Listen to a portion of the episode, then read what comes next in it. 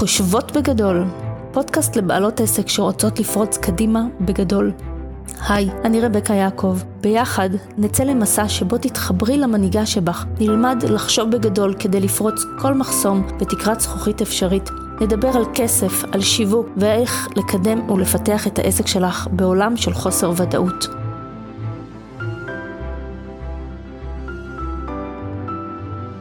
תקופה ארוכה שאני מסתובבת סביב הנושא של יצירת מחר חדש, עתיד אחר או מציאות אחרת, תקראו לזה איך שתרצו.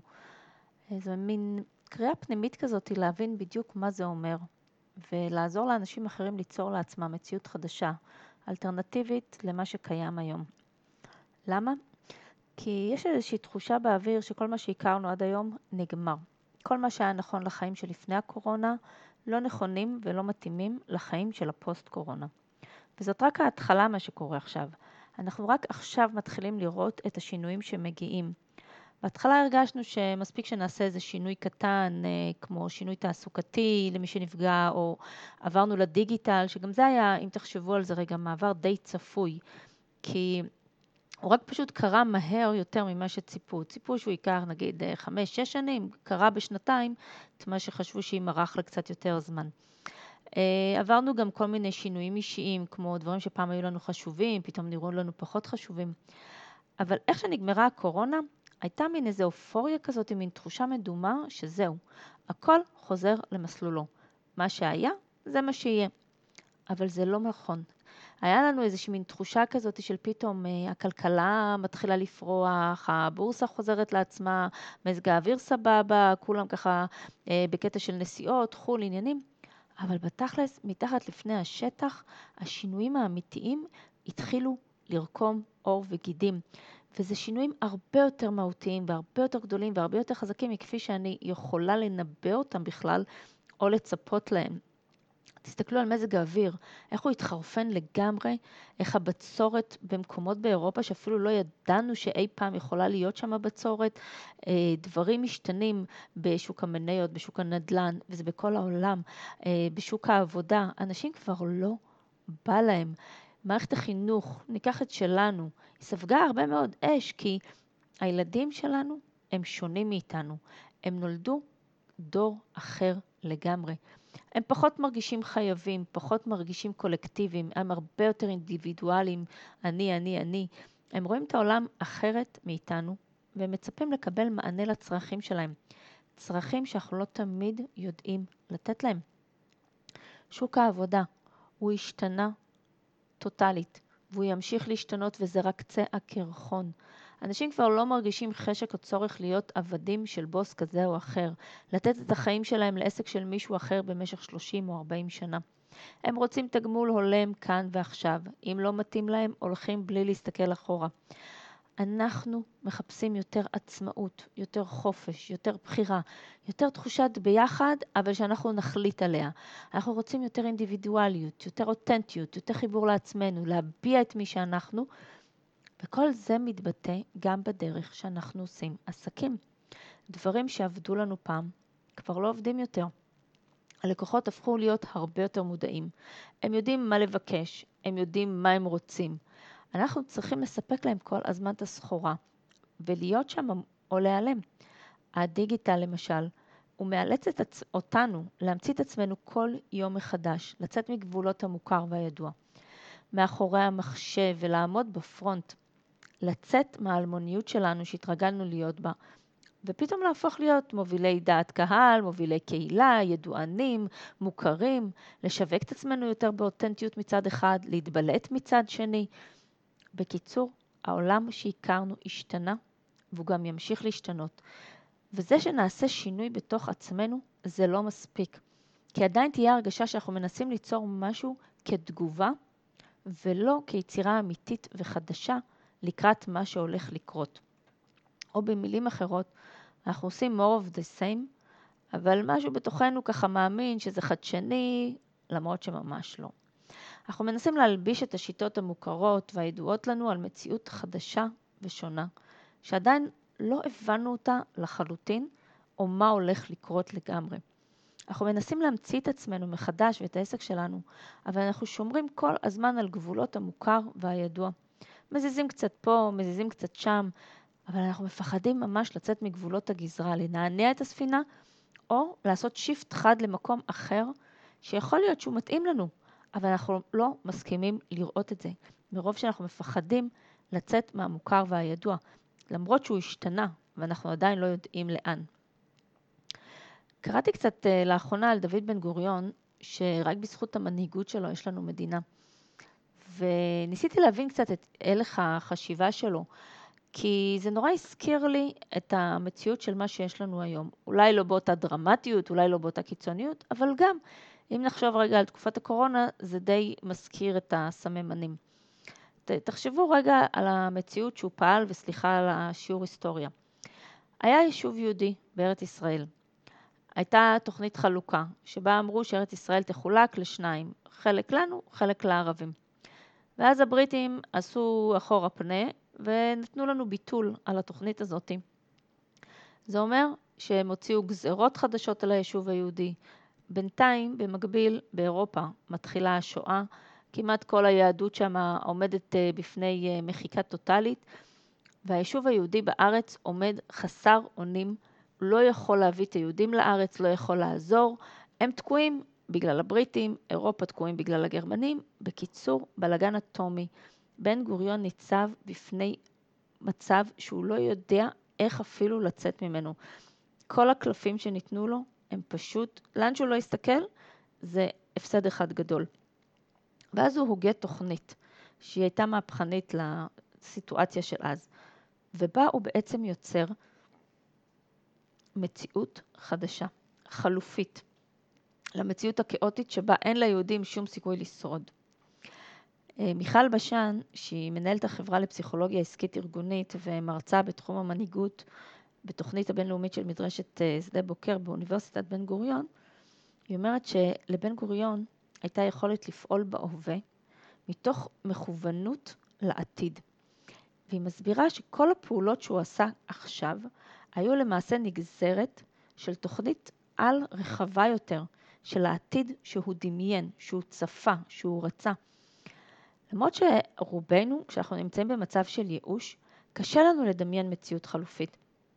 אבל בן גוריון בנה אותה, הוא ראה אותה, הוא דמיין אותה, והוא בנה, מימש את המציאות הזאת, ואליה הוא הוביל אותנו כעם, והקים לנו מדינה. משהו שנראה לנו אולי נורא טריוויאלי היום לגור במדינה משלנו, אבל אז זה ממש לא היה. ואיך הוא עשה את זה? הוא בעצם עשה צעדים של לצאת מאזור הנוחות. הוא עזב את היישוב היהודי, מקום שהוא היה מוכר בו וידוע בו והיה סוג של אה, משפיען או מוביל דעה, והוא הפליג לארצות הברית, למקום שאף אחד לא הכיר אותו. אפילו ישב שם בכלא כמה ימים כי לא ידעו מי הוא. והמטרה שלו הייתה לבנות מרכז ציוני חדש, במקום זה שהיה באירופה והושמד, כדי להשפיע על דעת הקהל האמריקאית. והיה לו ברור שזה מה שצריך לעשות כדי לממש את החזון שלו, וזה מה שהוא עשה. ב-1946 הוא הכריז שהוא יקים מדינה יהודית בארץ ישראל, למרות שזה לווה בהתנגדויות מכל הכיוונים האפשריים. אבל הוא לא ויתר, והוא התמקד בחזון שלו ובמימוש שלו. אני לא, לא אלאה אתכם בשיעור היסטוריה ובכל מה שקרה, אבל השורה התחתונה, בן גוריון ראה משהו לנגד עיניו, שהוא אפשרות חדשה, אחרת, שונה ממה שהמציאות של אותו רגע יכלה להראות לו. ובשיפט חד לסיפורים קצת פחות דרמטיים מאשר הקמת אה, מדינה וסבל וכל זה, הוא לא היחידי שעבר את אותו תהליך של להסתכל קדימה בזמן ולהביא את זה להווה וליצור מציאות שסוחפת אחריה אה, קהילות גדולות מאוד של אנשים, במקרה הזה מדינה, במקרה של נגיד סטיב ג'ובס, הוא הסתכל קדימה בזמן והמציא את הסלולר, שאיך שהוא ראה את זה, שיהיה כמו מחשב, והוא שינה לכולנו את המציאות לדורות קדימה. אה, דיסני, וולט דיסני, האלוף הבלתי מעורער של בניית מציאות חלופית, הוא המציא לנו עולם דמיוני שלם, שברגע שאנחנו נכנסים והופכים להיות אורחים בעולם הזה, אנחנו הופכים להיות ילדים. אנחנו חווים את המציאות הזאת בהנאה כמו ילד. אז מה שונה כל כך במה שהם עשו לבין מה שאנחנו עושים בפועל כשאנחנו מנסים ליצור לעצמנו חזון או תוכנית לשינוי בעסק? כי א' ב' בסיסי שלכל יועץ עסקי שתלכו או, או גם עם עצמכם תעשו את העבודה, הדבר הראשון שעושים זה לבנות חזון.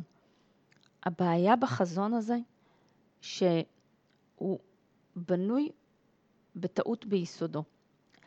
בספר להנהיג מן העתיד, אה, באנגלית זה Lead from the Future, אה, כותבי הספר אומרים שהנטייה הטבעית שלנו היא לשנות את העבר, לא לחשוב על העתיד.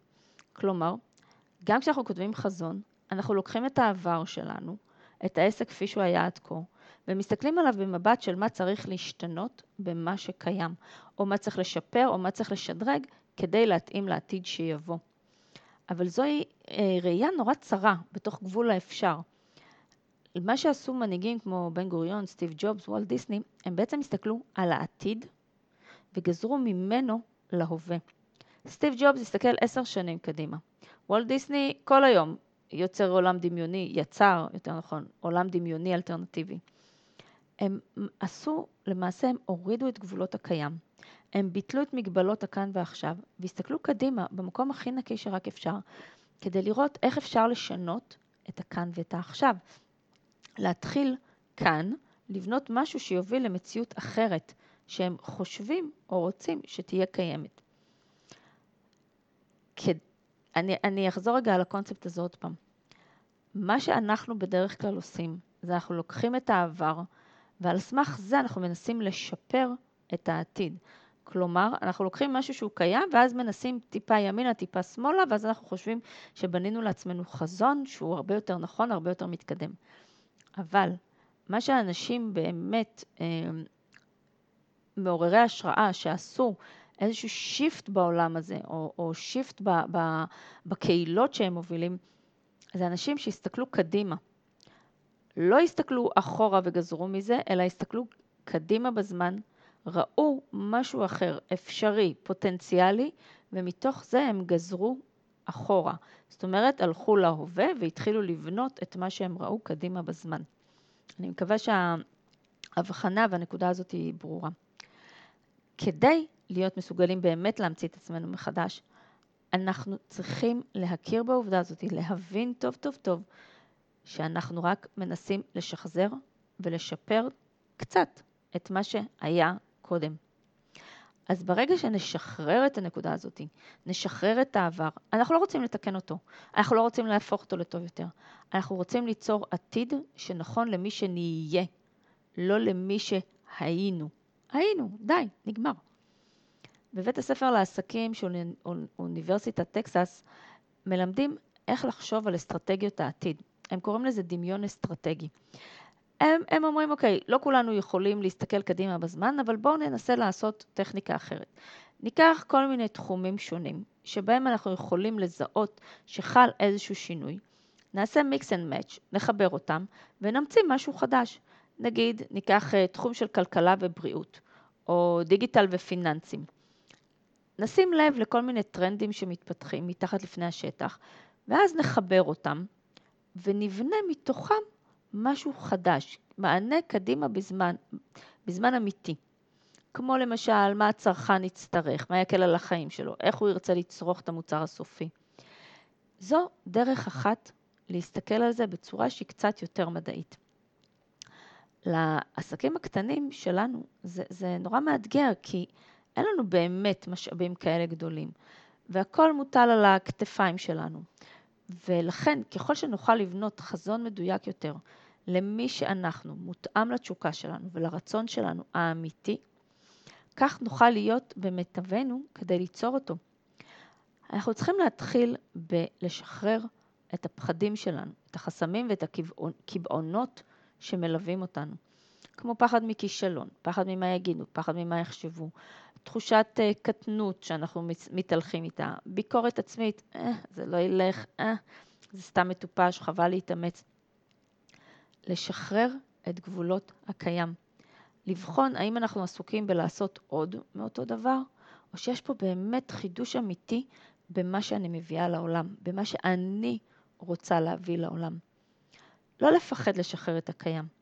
להרגיש מתי משהו מסיים את תפקידו ולשחרר אותו, לוותר עליו, להגיד תודה ויאללה ביי. לא לחשוב איך אנחנו משפרים את מה שכבר יש לנו. לעזוב את זה רגע בצד. לתת, לאפש... לתת לעצמנו את היכולת, דף חלק, לחשוב איך לעשות טוב יותר את העתיד שלנו, לא את העבר, לשפר אותו. זה נורא קשה. זה נורא קשה להסתכל לעתיד, ו- וזה דורש מאיתנו הרבה מאוד דמיון, ובעיקר מוכנות להיכשל, כי לא תמיד אנחנו יכולים לדעת בוודאות מה יקרה באמת. אנחנו יכולים רק לדמיין ולקוות ולנחש.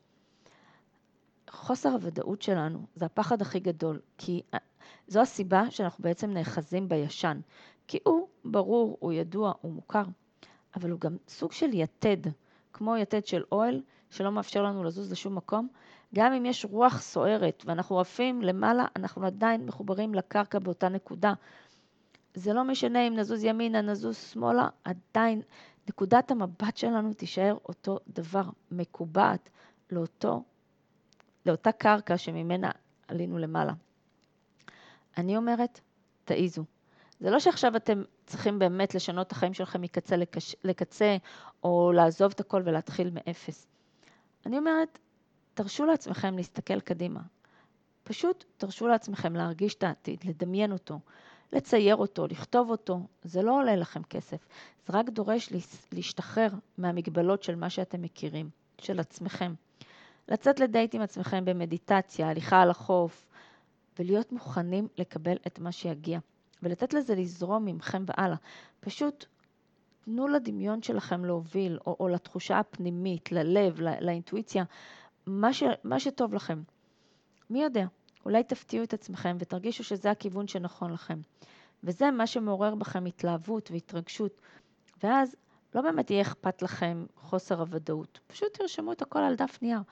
אולי זה כל כך יעליב אתכם, כמו שבן גוריון מצא דרך בניגוד לכל דמיון אפשרי, ולמרות כל ההתנגדויות מבית ומבחוץ, והקים לנו פה מדינה, גם אנחנו יכולים להציץ קדימה בזמן, לראות מה נכון לנו, איזה מציאות אלטרנטיבית למה שקיים היום אנחנו יכולים לבנות, קודם כל עבור עצמנו, ואחר כך אולי גם עבור הלקוחות שלנו, המשפחה שלנו, החברים שלנו, לעשות שינוי אמיתי פה. ולהרשות לעצמנו להתחיל צעד צעד בהווה, לבנות את מה שראינו בעתיד. אז שמחה שהייתם איתי בעוד פרק נוסף, אשמח לשמוע את דעתכם. תכתבו לי, ספרו לי, שתפו אותי, ונשתמע בפרק הבא. ביי ביי.